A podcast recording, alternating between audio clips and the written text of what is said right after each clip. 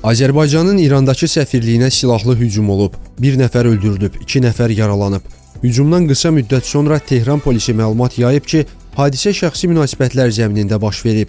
Güya hücum edən şəxs 2 az yaşlı uşağı ilə səfirliyə daxil olub. Lakin yayılan görüntülərdən Tehran polisinin yalan məlumat yaydığı bəlli olur. Millət vəkili Sahib Aliyev Asan Radioya bildirdi ki, bu terror aktıdır. Terrorçunun İranın güc strukturuna bağlılığı, onun törətdiyi cinayətin güya məişət zəminində baş verməsi haqqında tez tələsik dövrəyə buraxılan rəsmi açıqlamalardan da bəlli olur. Hiss olunur ki, terror aktı kimi o törəldikdən sonra motivi haqqında açıqlama da öncədən hazırlanıb. Bu İranın bir dövlət olaraq mahiyyətindən, eyni zamanda acizliyindən, Ermənistan kimi acizliyindən xəbər verir. Növbəti dəfə təsdiqlənir ki, əmmaməli, amma dinsiz rejim öz çirkin məqsədlərini reallaşdırmaq üçün nəinki dünyanın bir çox yerlərində terrorçu qruplaşmalar yaradır.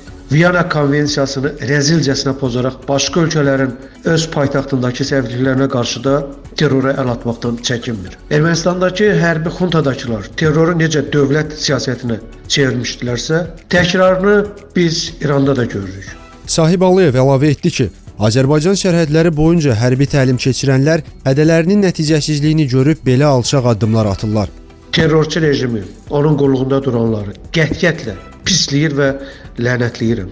Onu da bildirmək istəyirəm ki, bu bir növ gözlənilən idi və mən dünən İTV-nin efirində də Qərbi Azərbaycana qayıdış konsepsiyası haqqında danışarkən bildirdim ki, bu Ermənistandan çox İrandakı dinsiz rejimi qıcıqlandırır və narahat edir. Çünki 2-ci Qarabağ savaşında Azərbaycan göstərdi ki, özünə, xalqına qarşı edilən tarixi ədalətsizliklə nəinki heç vaxt barışmır, eyni zamanda həmin tarixi ədalətsizliyi aradan qaldırmaq qüdrətindədir. Artıq aqoniya keçirən dinsiz rejimi ən çox narahat edən Azərbaycanın məhz bu ləyaqətli, qüdrətli davranışıdır və əminliklə bildirmək istəyirəm ki, bu davranışlarla onlar öz məqsədlərinə çata bilməyəcəklər, cavablarını alacaqlar. Müsahibimiz sonda bildirdi ki, qarşı tərəfə cavabı məqsədlərimizə doğru addımlamaqla, xalqımızın maraqlarını uğurla təmin etməklə verəcəyik.